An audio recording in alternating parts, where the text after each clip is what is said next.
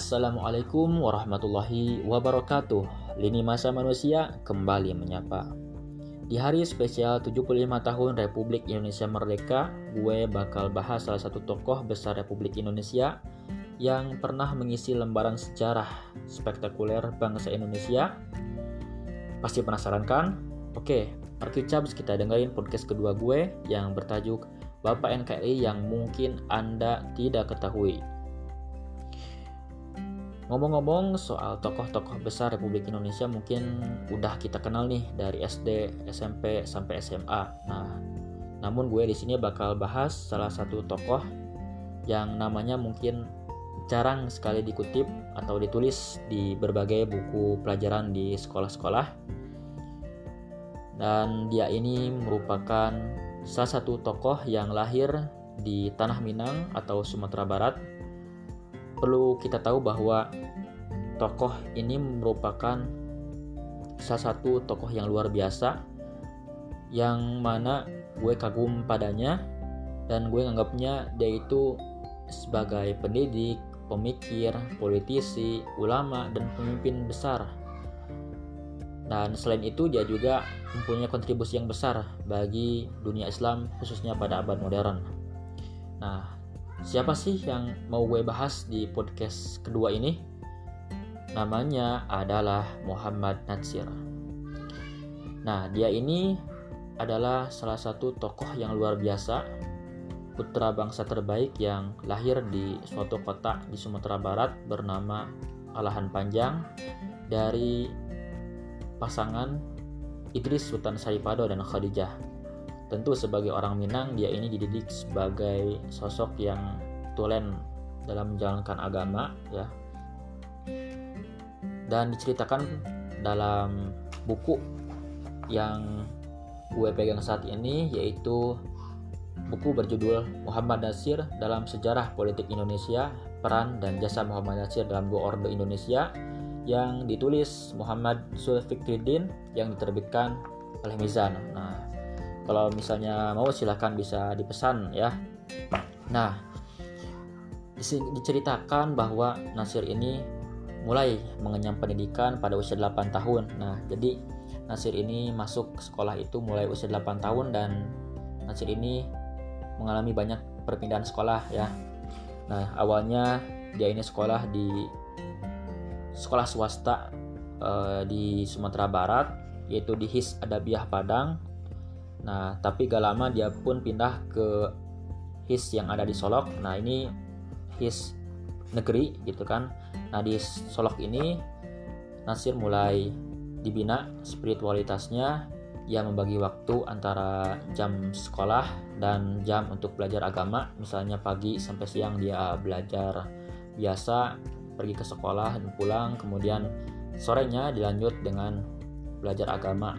Nah, pada waktu itu Nasir tidak bertahan lama juga di His Solok, dia pun pindah ke His Padang. Nah, yang mana His Padang ini merupakan sekolah yang pernah menolak Nasir pada awalnya. Jadi sebelum masuk ke sekolah swasta itu, His Adabiah Padang itu, dia masuk ya dia mencoba daftar ke His yang ada di Padang waktu itu yang mana eh, sekolahnya sekolah negeri. Nah, kan tetapi jadi tolak dan akhirnya dia pun sekolah dulu di HIS Adabiah Padang. Nah, pada waktu itu Nasir berhasil menamatkan pendidikan HIS-nya, kemudian diteruskan pendidikannya ke Mulo. Nah, mungkin Mulo ini setingkat dengan SLTP sekarang.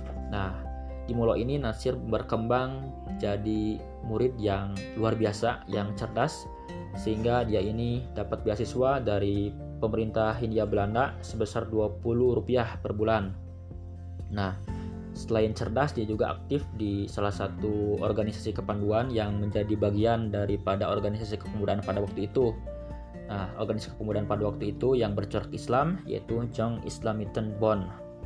Nah, Nasir pada waktu itu berhasil menamatkan pendidikan mulonya pada 1927 dan meneruskan pendidikannya ke AMS Bandung. Nah, jadi dari Sumatera Barat dia mengembara ke Pulau Jawa tepatnya ke Bandung. Nah, dia mulai belajar di AMS itu pada 1927. Nah, ada salah satu fakta unik. Jadi ketika Nasir itu mulai belajar di AMS Bandung, dia merasa bahwa bahasa Belanda yang dimilikinya ini kurang fasih dibandingkan dengan teman-temannya. Nah, sering kali dia ini diejek dan merasa insecure dan Nasir pun memutuskan untuk belajar lagi dan luar biasanya Nasir ini kembali menjadi murid terbaik AMS sehingga dia pun mendapatkan beasiswa sebesar 30 rupiah per bulan dari pemerintah Hindia Belanda. Nah,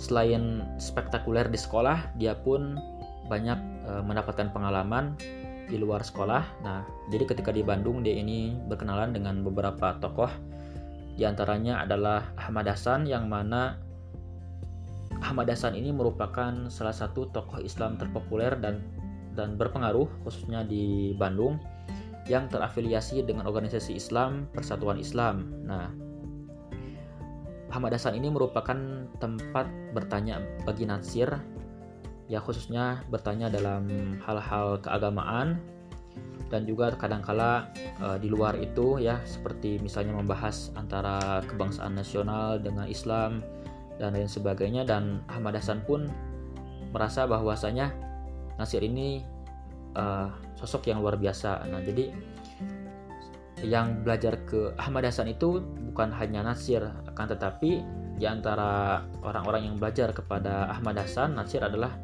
salah satu orang atau satu-satunya orang yang paling intensif belajar dengan Ahmad Hasan. Nah, jadi waktu itu diceritakan bahwa Nasir itu uh, sering kali uh, datang ke tempat kerja Ahmad Hasan untuk bertanya ataupun berdialog dan Ahmad Hasan pun dengan senang hati melayaninya dengan sepenuh hati. Jadi waktu Ahmad Hasan kerja datang Nasir, nah Ahmad Hasan itu rela meninggalkan pekerjaannya sejenak dan ngobrol dulu dengan Nasir dan memang uh, Ahmad Hasan berpendapat bahwasanya diskusi atau dialog itu lebih penting dibandingkan dengan pekerjaannya gitu kan nah kemudian selain dari Ahmad Hasan Nasir juga berguru ya berguru kepada salah satu tokoh pada waktu itu bernama Agus Salim. Nah, Agus Salim ini adalah tempat bertanya bagi Nasir khususnya dalam bidang politik dan pergerakan nasional pada waktu itu. Nah, dan pada waktu itu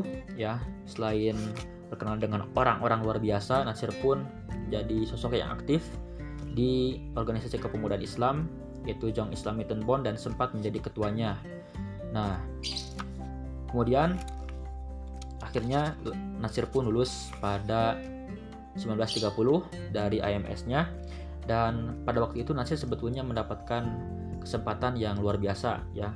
Pada waktu itu dia punya kesempatan untuk bisa belajar uh, ke Rotterdam, ke Belanda dan dia pun punya kesempatan untuk belajar di Sekolah Hukum Jakarta. Nah, namun luar biasanya, nah Nasir ini memilih untuk menjadi seorang guru dan juga jurnalis. Nah, kenapa sih dia mau itu kan? Nah, karena mungkin ya menurut gue dia ini punya visi yang luar biasa itu kan bakat jurnalistiknya pun dimulai sejak dia duduk di bangku AMS. Nah, waktu di Bandung. Nah, ada salah satu kisah juga yang menyebutkan bahwa Nasir ini pernah menyanggah salah satu wacana atau obrolan dari seorang pendeta bernama pendeta Christopher yang pada waktu itu pendeta ini membahas perbandingan Al-Quran dan ajaran kekristenan juga membahas tentang Nabi Muhammad SAW. Nah, meski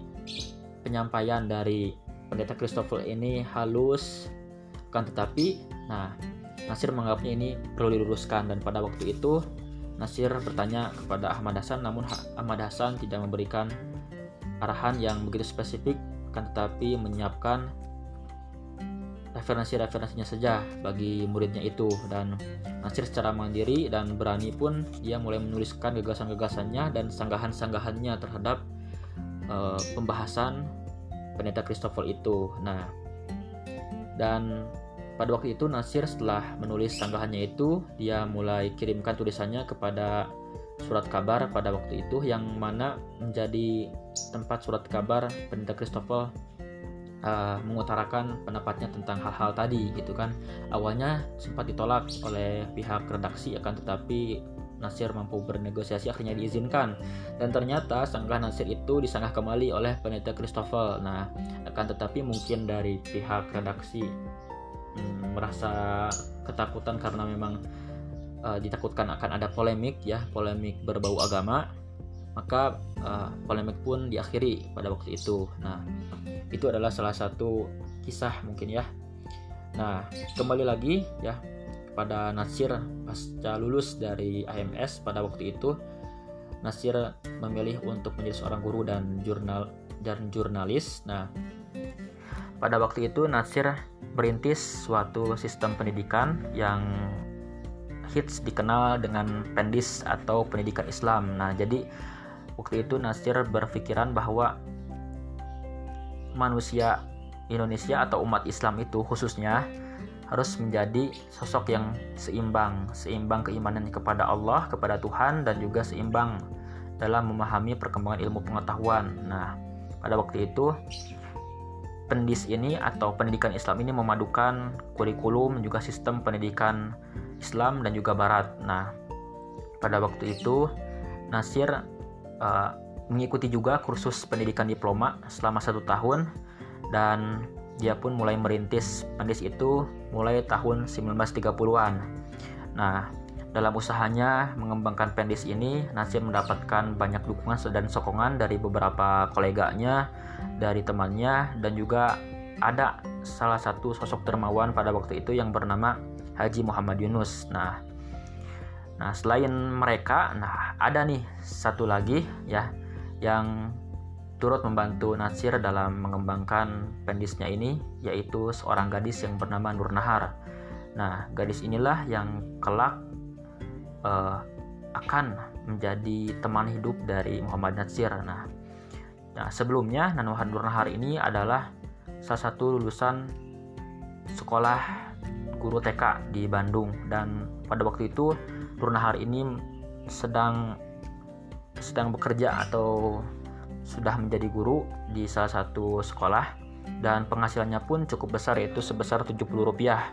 Nah, akan tetapi nah, Nur Nahar ini lebih rela meninggalkan pekerjaannya itu sebagai guru di salah satu sekolah dan uh, rela untuk membantu Nasir mengembangkan pendidikan Islamnya. Nah, kemudian pada waktu itu uh, seiring berjalannya waktu pada tahun 1934, akhirnya Nasir melamar Nur Nahar dan resmi menjadi pasangan hidup yang luar biasa. Nah, omong-omong, jika kita ngobrolin nih tokoh yang bernama Muhammad Nasir ini mungkin gak akan beres nih dalam jangka waktu yang singkat. Nah, mungkin di sini gue bahas yang secara umum dan mudah-mudahan ini menjadi podcast yang bermanfaat insya Allah gue lanjut di podcast yang selanjutnya.